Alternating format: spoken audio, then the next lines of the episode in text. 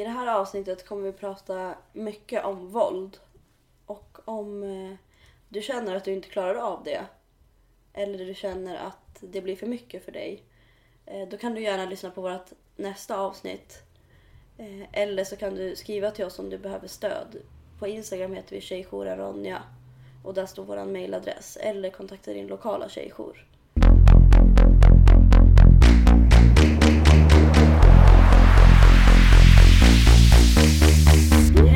Välkomna till dagens avsnitt. Ja, hej och välkomna till det tredje avsnittet. Vi har redan gjort tre. Eller vi, ja, vi gör tredje. Vi gör tredje, vi bara, vi har gjort tre, Det redan känns som klara. att vi har gjort väldigt mycket ändå. Ja, Fast det är också för att första avsnittet var vi ju tvungna att spela om tre gånger. ja. Så då känns det som att vi har poddat hur mycket som helst, så att nu är vi poddproffs. Vi fick ju respons lite från eh, några av våra kollegor igår. Mm. Det var första gången de hörde vårt eh, första avsnitt. Ja, gud vad fina de är. Ja, men det var ju så nervigt. Ja, det var jättenervöst. Jag blir alltid så nervös vad folk ska säga. Jag tänker Ja. bara, du sa det här. Du har förstört Ja, allt. Du har förstört allt. Ja, men det var jättekul att de tyckte det var så bra Ja, verkligen. och gillade det så mycket. Nu kan vi andas ut lite. Ja, och var Eller lite vi får ju se, det kommer ju bli samma, för mig i alla fall tror jag det kommer samma känsla inför varje Ja, avsnitt. jag tror också det. Men det är också för att vi pratar om så viktiga saker. Ja. Så att man vill ju... Det får inte bli fel när det är Nej. så viktigt. Ja, precis. Och speciellt, alltså okej om man pratar om, jag vet inte vadå, vatten som vi pratade om förra gången. Jag vet inte om jag klippte bort det kanske men, men alltså när man pratar om något som inte är så viktigt men det här är ju så superviktigt och betyder jättemycket för Mm. både dig och mig. Hur mår du idag? Hur jag mår? Jag, jag mår bra. Faktiskt. Eller faktiskt, jag mår väl oftast ganska bra. Men, men jag tycker det är en så bra fråga och jag ska fråga tillbaka den här Ja. gången. Jag ska bara säga sak. Det är inte det enda du tänker på nu, Jag bara du ska fråga tillbaka. Eh, nej men jag tänkte det är en sån, eh, alltså hur mår du? Eller så här, Mm. är det bra? Hur är läget?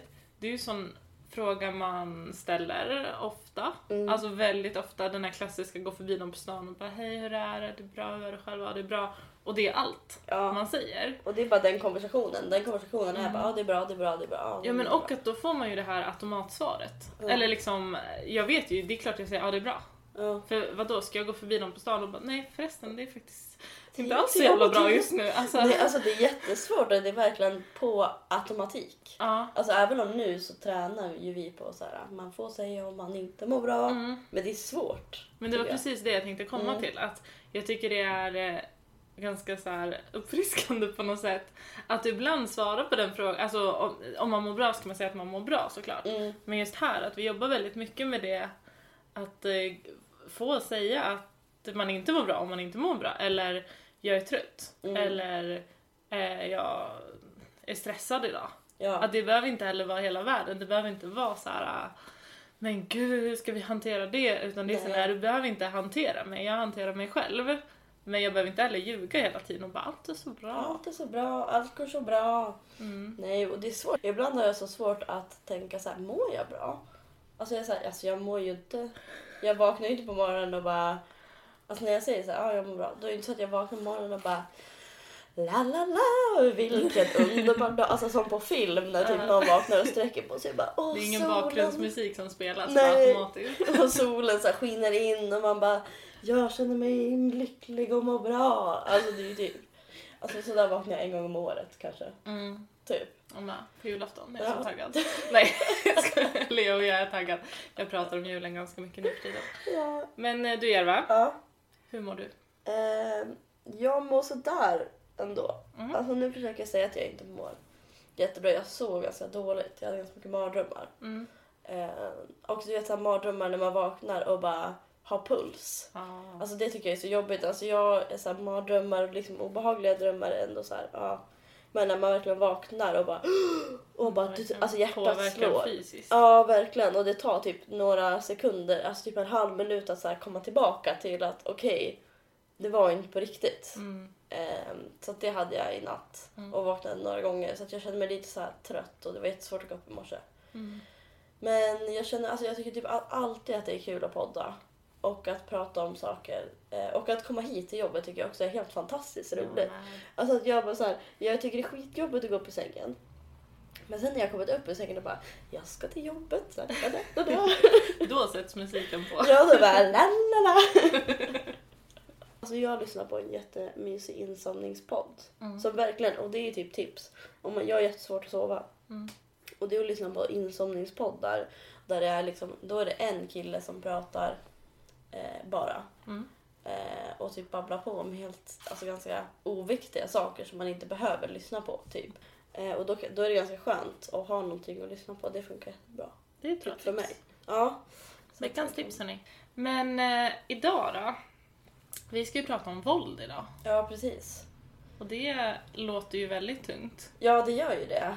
De flesta av oss har ju föreställningar om vad våld är. Ja. Sen är ju våld tungt i vad det än är för våld. Alltså Ja. det är ju så. Eh, men, eh, men vi har väldigt tydliga föreställningar om vad det är för något. Ja men precis, att det är liksom en specifik handling eller eh, känsla eller liksom sådär. Mm. Och att nu, alltså att man ser ju kanske från ett annat perspektiv att hur stort och utbrett det är. Ja. Och då blir det ju tungt.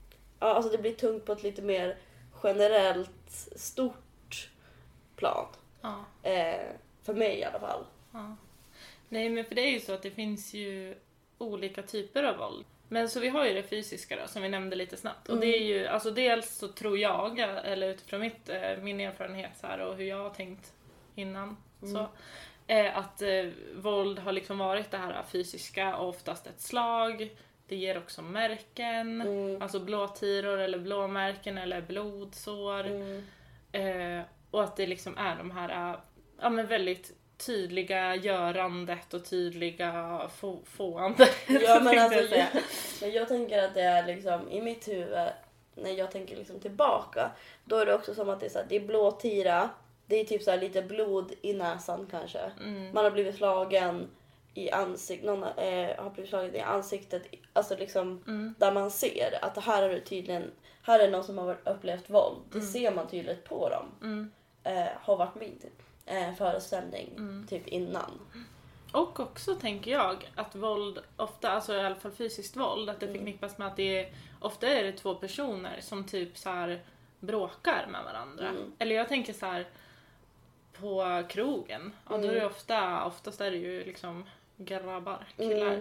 som bråkar med varandra och slår varandra. Ja. Och typ de här typiska bara och ni, vad har hänt eh, om det är någon som har en blåtira? Mm. Och så bara, ja har du skulle sett den andra. Ja. Alltså, Så sjukt. Men också att de har bråkat med varandra. Mm. Att det är liksom någonting som två personer gör med varandra. mm, Eh, av någon anledning som jag inte vet. nej. Men, eh, men att det är liksom två som, som gör det tillsammans. Ja. Alltså, ja, så. Eh, och så är det ju, behöver ju absolut inte vara. Nej. Speciellt inte det våldet som vi möter. Och Eh, även då det fysiska våldet, innan vi går vidare. Mm. Att det självklart räknas ju slag och sån slags, ja sånt fysiskt våld in. Som man tänker, det där typiska. Ja, liksom. det är ju såklart fysiskt våld. Mm. Men att eh, fysiskt våld är ju också så mycket mer. Det kan vara nypningar, det kan Mm. vara att dra i håret, det kan vara att knuffas. Mm, att hålla fast tycker jag också är så här Mm. Tydligt fysiskt våld som inte som är ganska överraskande kanske.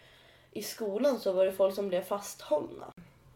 Ja, och eh, också att om man tänker på det vi möter med fysiskt våld, på Mm. tal om att det ska synas och sånt där. Mm. Det finns ju då just de här andra formerna av fysiskt våld som antingen inte syns, det syns ju väldigt sällan om någon har dragit mig hårt i håret. Ja precis. Det, det är, Det är liksom, sällan som det är så här, ramlar hårtussar. Precis. Det kan ju hända men liksom. Ja, eller om jag har blivit nypt, eller till och med slagen då, som man Mm. tänker klassiskt. Att det ofta sker på ställen som inte syns. Det är oftast inte i ögat liksom, Nej. utan det är i magen under tröjan eller på Mm. axlarna så t-shirten täcker. ja. Det är sådana ställen som vi ser mycket. Men det psykiska våldet då? Det är ju ändå eh, den typ av våld som vi, eh, in, kanske inte mest, det vet jag inte, men eh, möter otroligt mycket. ja och det är så stort. Det psykiska våldet är jättesvårt att se på en person om den har varit utsatt för. Och det är så svårt att definiera på något sätt. Ja, vad är det? Vad är liksom... Men vi brukar säga vardagsmobbing. Ja. Mobbning, liksom att man... Att en person vill trycka ner den andra eh, hela tiden. Mm. Eh, att den eh, kanske gör att deras självbild blir helt skev och konstig. Ehm, att den är ute efter att kontrollera Ja. är också psykiskt våld. Att så här, skamma och ge skuld. Alltså, och det är inte så att, att ge någon skuld, att det är psykiskt våld. Alltid. Men Nej. det kan användas i det psykiska våldet. Mm. Och det är också därför det blir så svårt att säga just det här är psykiskt våld. Mm. Utan det har ju med liksom hela alltihopa att göra. Hela... Ja men hela strukturen ja. då, om man talar om en relation. Mm, För det är ju så alla kan bli arga på varandra, alla kan säga något elakt till någon. Eller med en kompis eller med familjen. Alltså det Mm. har väl de flesta varit med om någon gång. Att Ja, någon har det- sagt något elakt till en och att man förmodligen har sagt det tillbaka. Ja. Eller man själv har varit den som varit lite elak någon gång. mm. Men just när det blir eh, någon slags vardag. Att du har varit utsatt för psykiskt våld det kanske inte vad jag anser. Eh, på ett sätt för att det beror också på vad är det för relation, vad är det för, på vilket sätt. Det kanske är, du kanske inte blir ledsen om någon säger hela tiden att du har eh, lite roliga fötter. Mm. Men om man säger det till mig och vi säger att jag har jättestora komplex med mina fötter och kanske trauman kring någonting som har hänt Mm. och att man säger det till mig hela tiden. Då kan det vara psykiskt Mm. våld till exempel. Det ser vi ofta eh, när det kommer till eh, ja, men våld i nära relation. Vi kommer prata mer om det också. Ja. Men eh, nära relation, det kan ju vara, ofta är det ju liksom en slags partnerrelation, alltså en kärleksrelation. Mm. Men det kan ju vara vänskap, det kan vara familj, det kan vara kollega, det kan Mm. vara allt möjligt.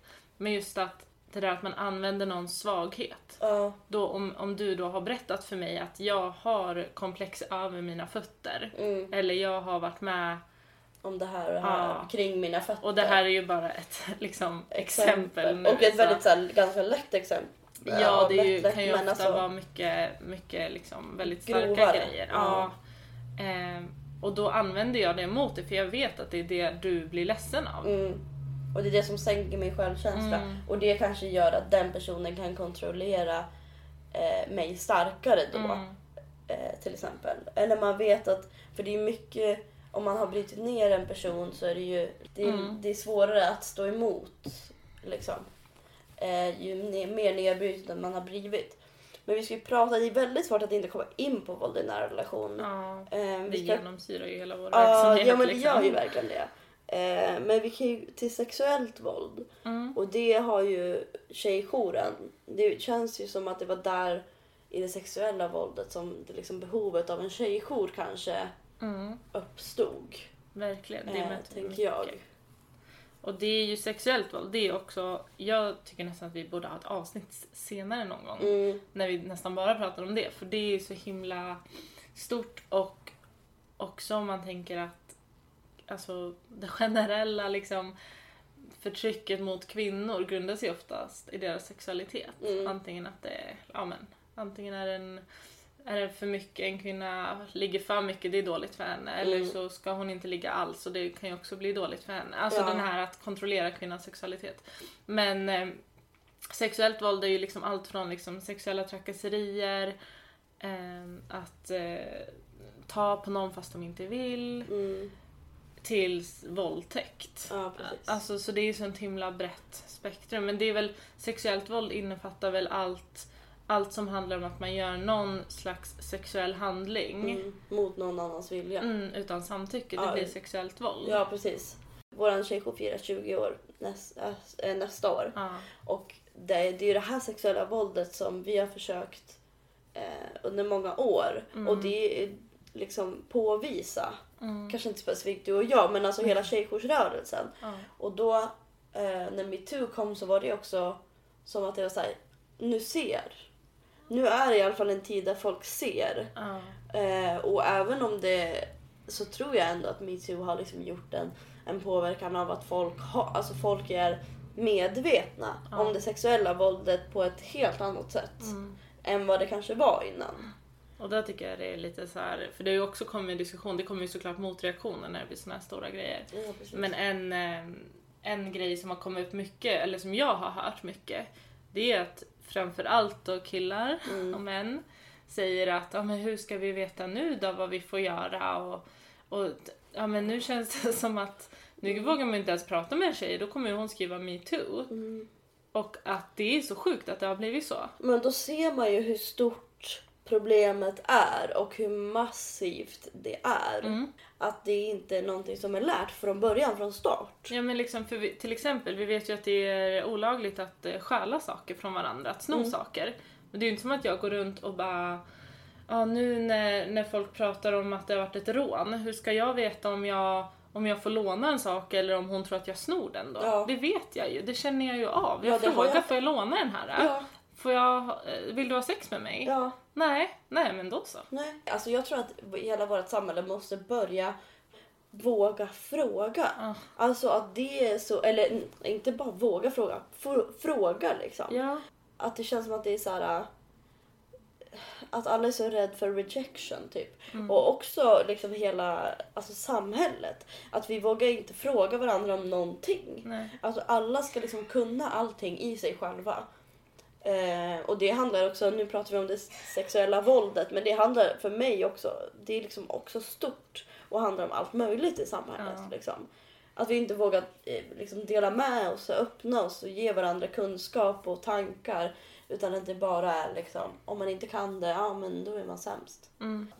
Ja, och liksom känna in. Mm. Det, är, det är inte svårt. Alltså, vi känner ju in varandra hela dagarna vad gäller allt. Ja, Säger jag någonting och ser att du inte riktigt ger mig respons på det, Mm. eller att du eh, inte ler när jag säger ett skämt, ja men då fattar jag ganska snabbt att du inte tyckte det var ett roligt skämt. nej precis. Men liksom så om jag börjar liksom närma mig dig och Mm. lägger min hand på din rumpa och du eh, inte kanske visar att du tycker om det. nej. Det, jag känner ju in det. Vi, Ja. vi är ju jätteduktiga på att känna in varandra också när det gäller sådana saker. Så det handlar ju inte om att, eh, att oj nu är det så svårt att veta. Utan det handlar helt enkelt om att ta lite ansvar. Mm, ja. Det är liksom sexuella grejer om något ska ju vara i totalt samtycke. Och vet man inte själv att man har goda intentioner.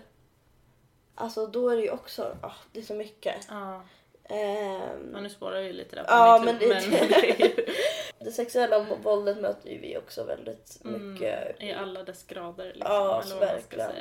Och att så här, eh, men också i skolan liksom att det var, när jag tänker tillbaka på högstadiet så var det liksom, det var ändå helt, helt okej att tafsa, att killar tafsade Mm. på tjejerna i klassen. Det var inte någonting som, som, eh, som gjorde något speciellt emot. Det var ingen som pratade om värderingar eller hur bete, alltså kanske lite på typ så här i tvåan. Ja, På, när man var liksom, hur gammal är man när man går i tvåan? Alltså jag vet inte. Men, ja, men sen så när man kommer upp och är liksom, det är då man måste prata om värderingar. När man börjar så här göra sin person. Ja men hela vägen tänker Ja. jag. Det är ju inget fel att prata om det eh, när man är åtta. Nej, men men det får ju precis. liksom, eh, man får ju fortsätta prata om det. Ja, för att det är inte så att ja, man kan prata om det en gång och sen så är det över och sen Mm. ja, då vet de. Alltså så är det inte för att unga människor och vuxna människor eller liksom gör ju sin situation och definierar sig själva och sin situation hela tiden, ständigt liksom. Mm. Men Eh, det materiella och det ekonomiska våldet, det är ju egentligen två, två separata. Alltså man kan säga ganska mycket om båda två, men nu körde vi ihop dem lite. mm, Det tänker jag är nog ganska mycket vanligare än vad man tror. jag och en partner som jag har bråkar, han blir arg. Mm. och ta sönder mina grejer. Alltid, alltid mina grejer. Då tänker man kanske, men han blev arg. Mm. Ehm, men sen kanske man börjar se, men vad konstigt. Men man kanske behöver att någon frågar en så här, ja men när han blir arg. Vilka, vad är det för grejer han tar sönder? Mm. Jaha, jo det var ju, först var det min mobil. Och sen var det ja, min soffa. Eh, mi- mitt liksom eh, bord. Ja. Alltså att det är bara ens egna grejer och inte Ja. hans grejer. Precis. Och sen också kan det ju vara saker som kanske inte är så värdefulla i pengar. Mm, Men eh, att eh, då i en nära relation, mm, att den ena partnern vet att ja, men de här bilderna är superviktiga för henne. mm, Och eh, nu har du gjort mig så jävla arg så jag ska fan bränna upp dina bilder. mm. Det är ju liksom, det, hon förlorar kanske inga pengar men hon förlorar ju jätte, alltså det är ju väldigt kärt för henne Ja. då. Och det vet ju den här personen om som gör det. Mm, Och det blir ju det som blir problemet. Då använder man ju något materiellt, någon sak, någon grej mm, för att eh, utöva våld mot den andra personen för att få den att må dåligt, för att bli kränkt, för att blir ledsen, sårad, whatever. Vi ser ju så himla tydligt också att alla de här knyter ihop med varandra. Mm. Att det sällan bara är, ehm, eller ja det kan vara, men det är sällan bara psykiskt våld eller bara fysiskt våld eller bara ehm, materiellt våld, ekonomiskt våld. Utan att det knyter ihop med varandra. Men ekonomiskt våld, vi kan ju nämna det lite kort också. Det är ju ett väldigt stort eh, problem för många. Det är all, allt våld är ett stort problem. Det ekonomiska våldet, det ger ju en lite annan, andra slags konsekvenser också. Mm. För att ekonomiskt våld är ju till exempel att eh, kontrollera någon annans ekonomi. Mm. Det kan vara att man förbjuder vissa inköp eller tvingar till vissa inköp. Mm. Det kan vara också att eh, tvinga någon att eh, skriva på ett lån i dens namn. Och sådana grejer kan ju verkligen ge konsekvenser. Och de konsekvenserna kan ju vara till exempel att eh, det är svårare att lämna en relation om det här har skett inom relationen för att jag är skuldsatt Mm. Och eh, jag är beroende ekonomiskt av min partner. Jag kanske på alla sätt och vis vill lämna min partner men jag kan inte för att då har inte jag någonstans att bo kanske. Mm. Har jag barn, ja då blir det också ett problem för att eh, kan jag liksom är rädd, eh, ja hur ska jag ta hand om barnen om jag inte har någonstans att bo? Och ha kläder och mat till barnen. Mm. Liksom. Och ekonomiskt våld kan ju också innebära att den ena partnern inte låter den andra jobba. Mm. Och då har man ingen inkomst, då blir man också väldigt Och beroende. ingen, alltså man får inte alls lika mycket pension. Ja, och när vi ska så gå in på lite våld i nära relation, för det, har vi, alltså det är svårt att inte prata om det när vi pratar om det andra. Då tänker man kanske bara att ja, men våld i nära relation är bara eh, att jag har blivit slagen av en man. Mm, Allt annat är okej. Allt annat är att vara i en relation. mm, Det är jättesvårt att veta liksom. mm. Ja men den här frågan, varför lämnar du inte bara? Om, om han är så jävlig mot dig, varför lämnar du inte? Om han slog dig, eller om han alltid säger att du är dum, eller om han alltid tvingar dig att göra något du inte vill, eller förbjuder dig att göra något som du vill, varför går du inte bara? Mm. Men att det är så många steg tills det faktiskt händer. Ja, det, är- det är så extremt sällan, nästan aldrig, som vi träffar på någon eller möter någon eh, eller att våra kollegor har mött någon som sa han slog mig första veckan. Mm, Eller han slog mig första månaden. mm, Utan att det är ju klart som att som alla kärleksrelationer oftast ehm, det börjar i kärlek och det börjar i romans och det börjar från, en, från någonstans där man, alltså något fint Ja, men ställe. man och utgår ju från att man kan lita på varandra, man utgår från att man vill varandra väl. Att det, det går ju liksom sakta men säkert och det finns någonting som heter normaliseringsprocessen Mm, eh, som, eh, som handlar just om det, normaliseringen av våldet. precis. Och då kan det vara alla de här typerna av våldet som vi har pratat om idag Mm, eh, som blir korta drag normalt i relationen. mm, för det går stegvis. Våldet liksom sakta men säkert sipprar in Mm, och väldigt metodiskt kanske eller inte av honom sipprar in i vardagen. ja, Och att eh, först kanske det är att han säger någonting jätteelakt. Sen gråter han och man förlåter. Alltså det, vi är också lärda att förlåta Mm. och att prova igen och testa. Och det är inte någonting som man behöver ha skuld över överhuvudtaget. Utan man vill tro det goda i människan som man älskar. Liksom. Man Mm. älskar fortfarande den här personen. mm. Och det här med att det är ju oftast, väldigt ofta, det psykiska våldet som kommer först. Mm.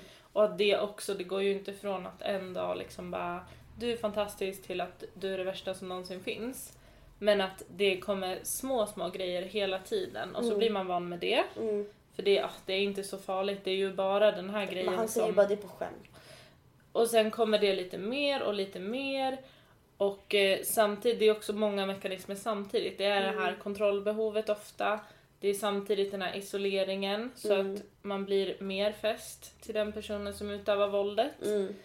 Ehm, förlorar människor runt omkring sig. Det är ju väldigt, väldigt vanligt att, eh, att liksom vi möter tjejer och kvinnor som har varit med om det här som liksom, de har inte ens kontakt med sin familj längre. Nej, de har inget så kontaktnät eh, som liksom är eh, kontaktnätet betyder ju, alltså det betyder ju typ att man har olika vänner, man kanske har familj eller man har andra släktingar, man har människor runt omkring sig eller folk på jobbet. Mm. Liksom att man har människor omkring sig. Mm. Men att det blir eh, mindre och mindre och oftast inte att man kanske bara har en kompis eller hon kanske bara har en kompis liksom, Mm. i slutet. Att det blir den isoleringen samtidigt som det blir den här nedbrytningen av kanske ens självförtroende, självbild. Vilka är mina värderingar?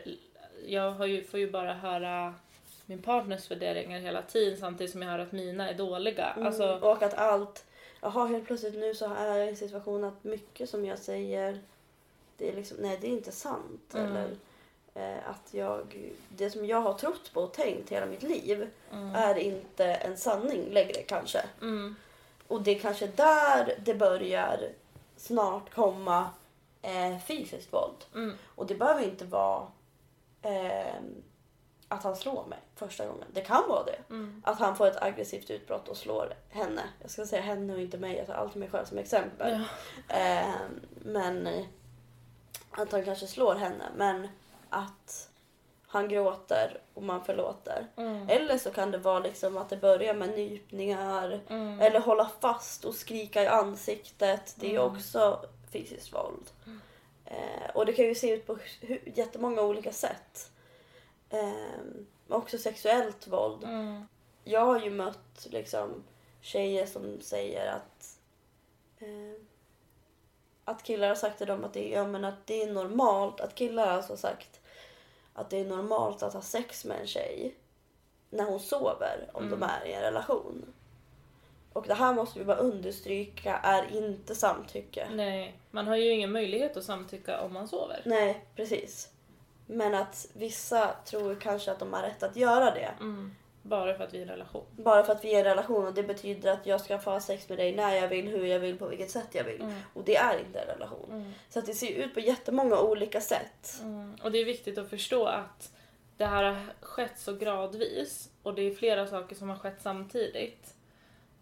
Att då är det inte så himla lätt att bara lämna sen. Och Nej. just att det är den här mixen av att ja, det, många ser ju liksom att ja, men det här var inte okej. Mm. Men eh, sen är ju min partner fantastisk. Mm. Att utåt kanske han ser ut att vara den mest charmiga, roliga Mm. eh, personen någonsin. Alltså han har jättestort kontaktnät och Mm. jättemycket vänner, kanske ett välbetalt jobb och mycket liksom kontakter. Mm. Eh, så att det är ingen som vågar se det från hans sida. Mm. Och det är ju också en, så här, man kan prata om varningssignaler. Mm. Men det är ju också en sån varningssignal och en tankeställare att har, lever man i en relation och det är olika regler Mm. för, för de olika partnerna. Att Mm. du får inte gå ut, du får inte träffa dina vänner. Men jag får gå ut, jag får Mm. träffa mina vänner. Att eh, det är liksom Det är en varningssignal för att det borde... det är ju en väldigt stark varningssignal. Eller det är ju inte ens en varningssignal, då är det ju våld. Att Ja. någon inte får göra något. Och att det är viktigt att säga att, att det är inte så lätt att lämna då om man har blivit ens, hela ens, vem man tror att man är, är helt borta. Det Mm. som man kanske trodde innan att man var, det är man inte längre. Mm. Vad är man? Man vet inte ens vem man är, vad man tycker, hur man mår för att man har blivit så nerbruten. Mm. Och då är den här människan som utövar våldet den enda personen som jag har kvar. Mm. Och då är ju, då har han också byggt en, ehm, att, han, att du behöver honom.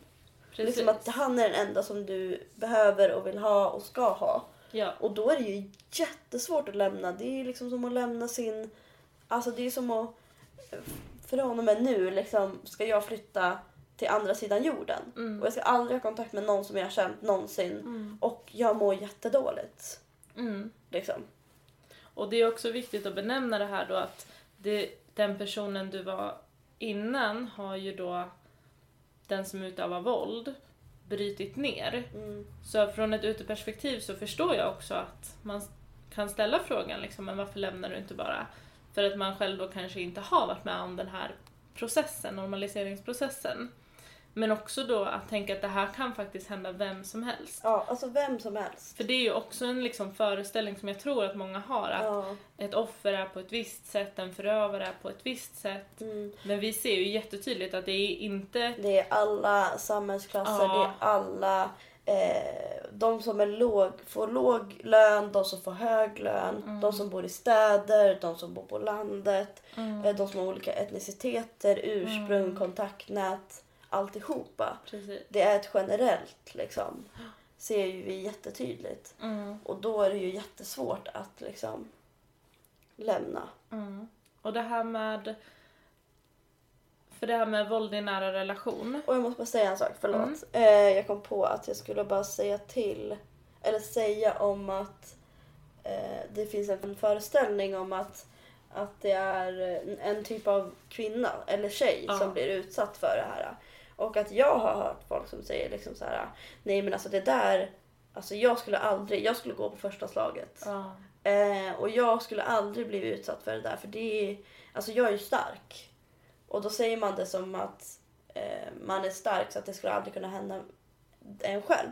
Och det är inte så det funkar. För typ nu när vi har förklarat det så kan ni ju kanske förstå lite varför det är så. Att man kan vara, se sig själv som hur stark som helst och ha världens bästa kontaktnät och Mm.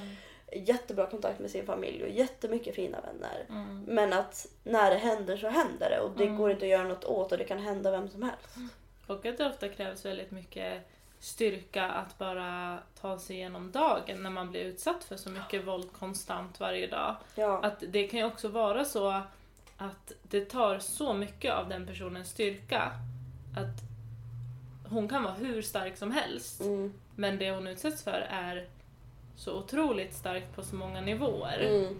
Att styrkan liksom, det finns inte över till att ta det steget. Och sen allt emotionella, kanske ekonomiskt. Det Mm. kan finnas så mycket som, som man inte ser från utsidan. Nej, massa olika lager av att liksom ena dagen så är han kall och ignorerar, Mm. att, han, att han har ignorerat henne i en vecka och sen så helt plötsligt är han världens kärleksfullaste och kommer massa presenter. Mm. Och liksom, ja. Det, där kan vi, alltså vi kan prata om det här, det känns som att vi kan prata om det här hur länge som Mm. helst. Nej, men nu har vi pratat mycket om eh, olika typer av våld och eh, framförallt våld i nära relation och normaliseringsprocessen. Vi har ju könat våldet ganska mycket i det här avsnittet. Ja, precis. Alltså jag tror att vi började med att försöka att inte göra det. Ja. Men att det är väldigt svårt att inte göra det. Ja. Ehm, för oss i alla fall. Mm. Eh, och det är viktigt att prata om varför vi könar. Och med köna våldet så innebär vi, eller så menar vi att vi säger han Som förövare. som förövare Och hon och som hon utsatt. som utsatt. Ehm, och varför vi gör det är inte för att exkludera någon från att känna att man kan vara hon. Mm. Utan mer att belysa ehm, det stora delen som är han. Mm. Om man säger så. Nu var jag lite otydlig. Ja, nej men exakt. Och för det är ju väldigt eh, provocerande, Mm, eh, har vi märkt i samhället på olika sätt, att köna våld. mm, För det blir ju såklart också, vi, eh, på många delar av samhället jobbar vi ju väldigt mycket med liksom, ja, men inkludering, mm, vilket vi självklart tycker är helt fantastiskt att det måste vi jobba jättemycket med. mm, Men just i vår verksamhet där vi jobbar så mycket med våld och Mm. våld i nära relation, där ser vi ett så tydligt samband. Och vi ser det så tydligt. Jag Ja. kan inte blunda för det. Ehm, på något sätt. Och sen är det ju superviktigt att alla känner sig, och det försöker vi på något sätt, samtidigt som vi könar våldet, så försöker vi på något sätt få folk att känna sig inkluderade i hon. Mm. Eller i att... ehm, alltså det är klart att förövaren också kan vara en hon. Ja. Men vi ser ju att statistiken ser ut på ett specifikt sätt. Ja. Men vi har ju lite statistik med oss och det, kan, alltså det är ändå viktigt att, att förklara varför vi könar våldet. Jag kan läsa upp några. Mm. Det, vi har ju väldigt blandad statistik. Den här statistiken är hämtad från tjejjouren.se och eh, där står det, om man går in på tjejjouren.se och Mm. letar fram statistiken, då står det även vilka källor det är från. Det är bland annat från mycket från BRÅ, Brottsförebyggande rådet. Mm. Om man går in på tjejjouren.se, går in på statistik, Mm. så kan man läsa exakt var källan kommer ifrån. Och där finns det mycket mer också. Ja, så det precis. kan man göra ändå. Men till exempel då. Nästan hälften av alla unga tjejer har varit med om att någon på nätet försökt få dem att prata om sex eller skicka bilder med sexuellt innehåll när de inte har velat det. Det är fyra gånger vanligare att en tjej har råkat ut för det här än att en kille har gjort det.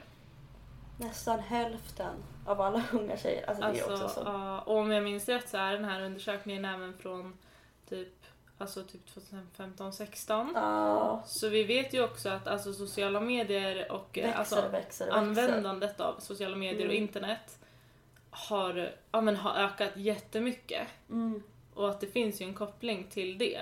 Ja. Så att jag, ja, Och vi ska, inte, vi ska inte påstå något utan fakta. Nej. Men jag skulle gissa att det har ökat ännu mer. ja, jag med. Jag skulle också gissa det. Men jag tror också att det sexuella våldet är jättestort på sociala medier. Eller Ja. det kan vi ju se, men vi, jag kan också känna det. Att det är så här, det är så mycket överallt, hela tiden. Alla, nästan alla tjejer, hälften av alla tjejer är utsatta. Mm. Var är, var är vuxenvärlden? Var är an, de som tar ansvar liksom? För det är otroligt grovt också. Ja, det, alltså- Jag vet ju till exempel Greta Thunberg. Mm, Hon, det är ju liksom vuxna människor. För på tal om vart vuxenvärlden är, de Mm. är ju faktiskt där. mm, Det är ju liksom vuxna människor, en del vuxna män som kan skriva till henne att eh, kommer våldta dig. För att hon är en ung tjej som står upp för det hon tror på. Och- Det är ju helt sjukt. helt, och, och vuxenvärlden kanske är där men jag känner så här, vad är, var är vi och vart finns, alltså, och jag blir så ledsen typ när jag tänker på det för att det är så här, vart är vi, vart finns vi? Kan någon finnas där för de här unga Mm. tjejerna som blir utsatta för det här, eller alla som blir utsatta för det här? Ja. Och vem belyser förövarna? Vem belyser hur stort det är? För att det är också enklare för folk att, eller det är inte enklare men folk tror att det är enklare på sociala medier. Att inte bli påkommen, att inte få konsekvenser. Ja. Men alltså konsekvenserna också från så Sveriges sida och samhällets sida måste bli tyngre och mer. ja. På tal om det här med statistik, att det är så tydligt att det är så många som utsätts. Mm. Ehm, att det också, de allra flesta kan ju nog säga att ja men jag, jag känner ju åtminstone en som har blivit utsatt för det här. Mm. Jag skulle säga att jag känner många som har blivit utsatta för olika saker. Ja. Men det är väldigt få som säger ja, jag känner fem förövare. Mm. ja, men precis. Vad är förövarna? Ja, och vi vet ju att är det så här många som blir utsatta, alltså nästan hälften av alla unga person. tjejer har Mm. varit med om att ja, men någon vill prata eller skicka bilder om sex på nätet. Det är liksom, det är ju inte en En kille som sitter och skriver till hälften av tjejerna i Sverige. Nej, för det man tror är ju typ att det är en äcklig gubbe. Ja, En äcklig gubbe i varje kommun, typ. Och man bara, nej så ser det, så ser det inte ut. Nej. Eller en äcklig gubbe i hela Sverige. och det är viktigt att bemärka också för att det är ju liksom, om man tänker så här, vi alla har varit små barn en gång i tiden. Mm. Det är ju ingen, varken liten pojke eller liten flicka som, som föds med att jag ska utsätta folk för sexuellt våld eller annat Ingen våld. person Det är ju något vi det. lär oss, det ligger Ja. ju i strukturerna och att det är ett, liksom, att vi ser att det är en otrolig majoritet av män som till exempel utför sexuellt våld eller utför fysiskt våld. Ja.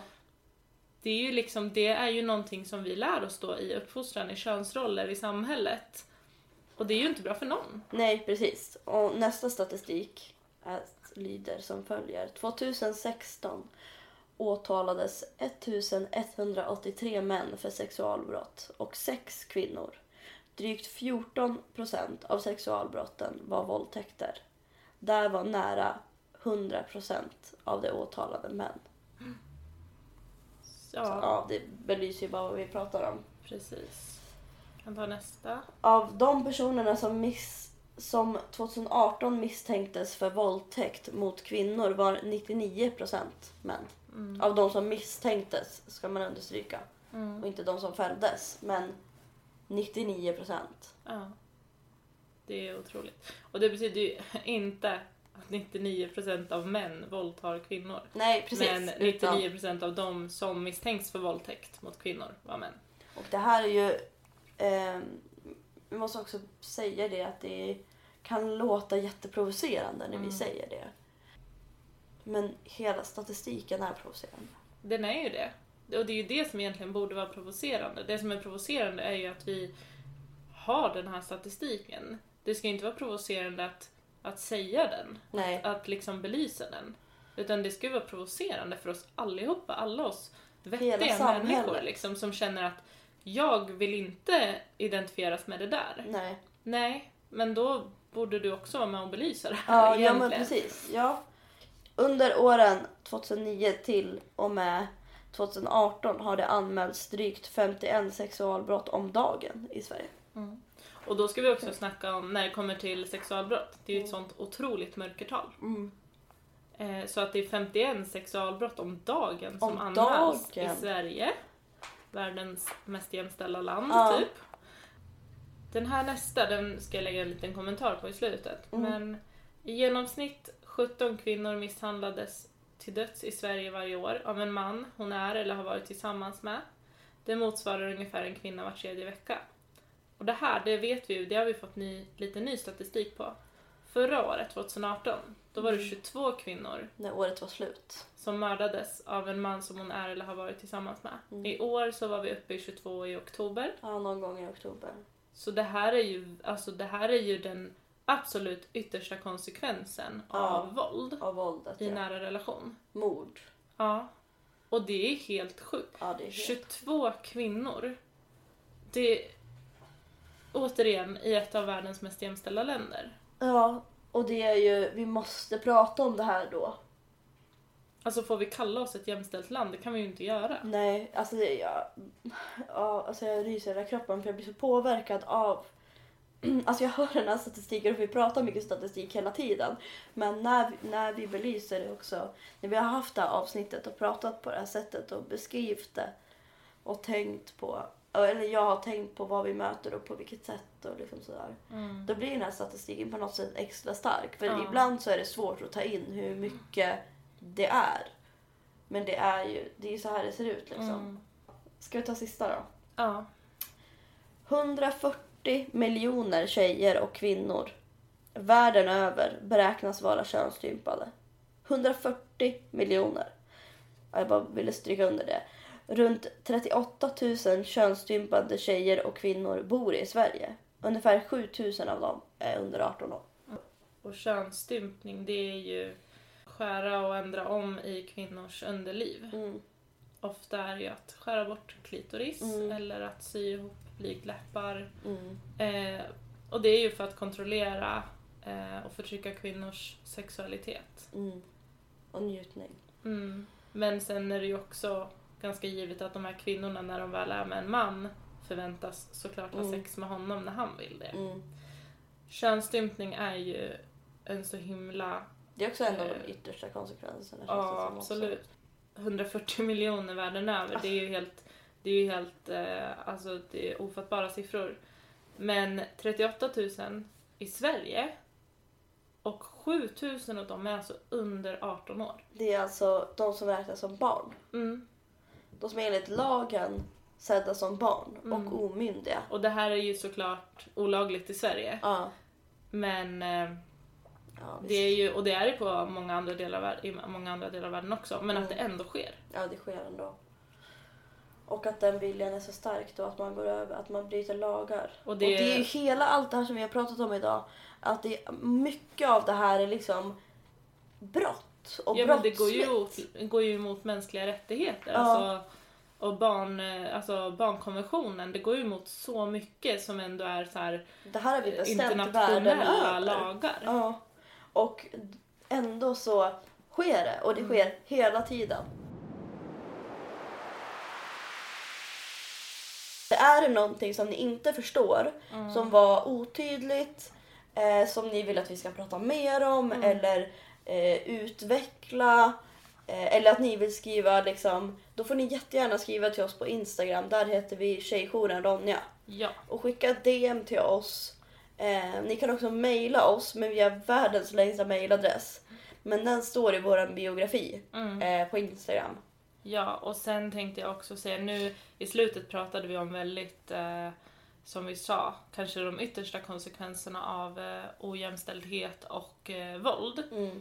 Men vi eh, jobbar, vi, vi tar oss an alla slags frågor här om man känner att man behöver stöd. Mm. Och vi ser ju väldigt gärna att man kontaktar oss om man till och med är osäker på vad det är man har utsatts för. Mm. Att det är absolut inte så att du behöver ha någon slags bevis för oss. Nej. Att det behöver vara väldigt grova saker. Utan känner du att du på något sätt har en lite dålig känsla i magen. Mm. Snälla kontakta oss. Jag kontaktar oss eller din lokala tjejjour Mm. eller kvinnojour. Eh, vi tror på dig. Och Verkligen. det är det viktigaste att veta att när det känns som att ingen gör det eh, så gör vi det. Mm. Det gör vi.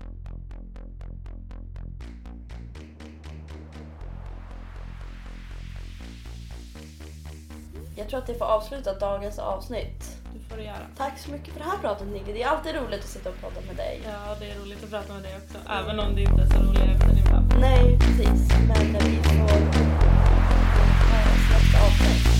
Så får ni ha en underbar vecka.